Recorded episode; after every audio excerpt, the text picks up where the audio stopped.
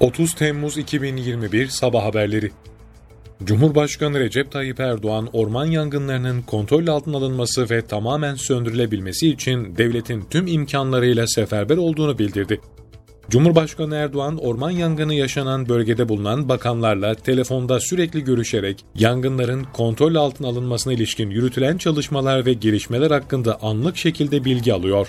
Yangınlar sırasında hayatını kaybeden vatandaşlara Allah'tan rahmet dileyen Erdoğan, yangından etkilenen bölgelerdeki halka geçmiş olsun temennilerini iletti.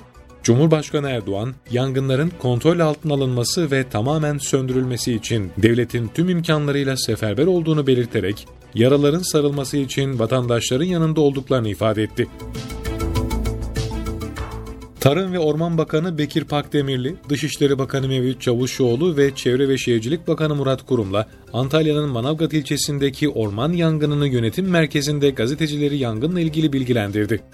Bakan Pakdemirli, 3 uçak, 38 helikopter, 472 arasöz ve 4000 personelle yangınlarla mücadele edildiğini belirterek, yangınların sebebiyle ilgili çok yönlü soruşturma, kolluk kuvvetleri ve adli mercilerle yapılıyor, dedi.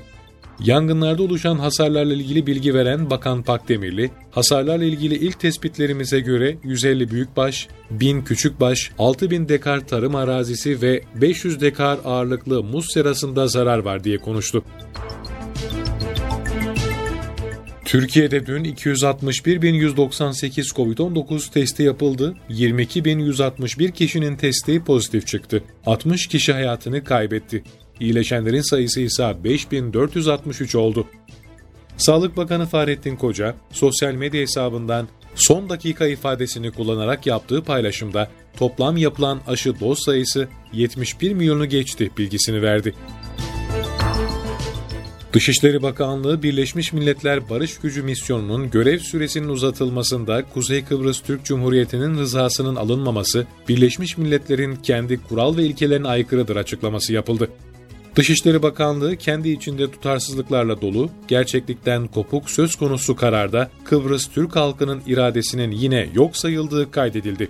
Yapılan açıklamada Birleşmiş Milletler'in kendi kural ve ilkelerine aykırı olduğunu, bu durumun düzeltilmesinin ve Kuzey Kıbrıs Türk Cumhuriyeti topraklarındaki varlığının sorgulanmaması için Birleşmiş Milletler Barış Gücü Misyonu'nun Kuzey Kıbrıs Türk Cumhuriyeti makamlarıyla bir an evvel bir anlaşma yapmasını beklediklerini bildirdi.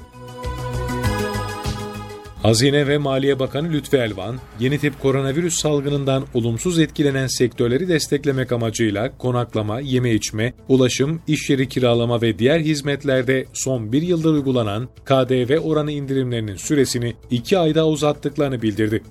Bakan Elvan Twitter hesabından yaptığı paylaşımda Türk lirası mevduatlarındaki stopaj oran indirimlerinin süresi Eylül ayı sonuna kadar uzatıyoruz. Böylece Türk lirası mevduatlarının cazibesini arttırmaya ve ters dolarizasyonu desteklemeye devam edeceğiz ifadesini kullandı.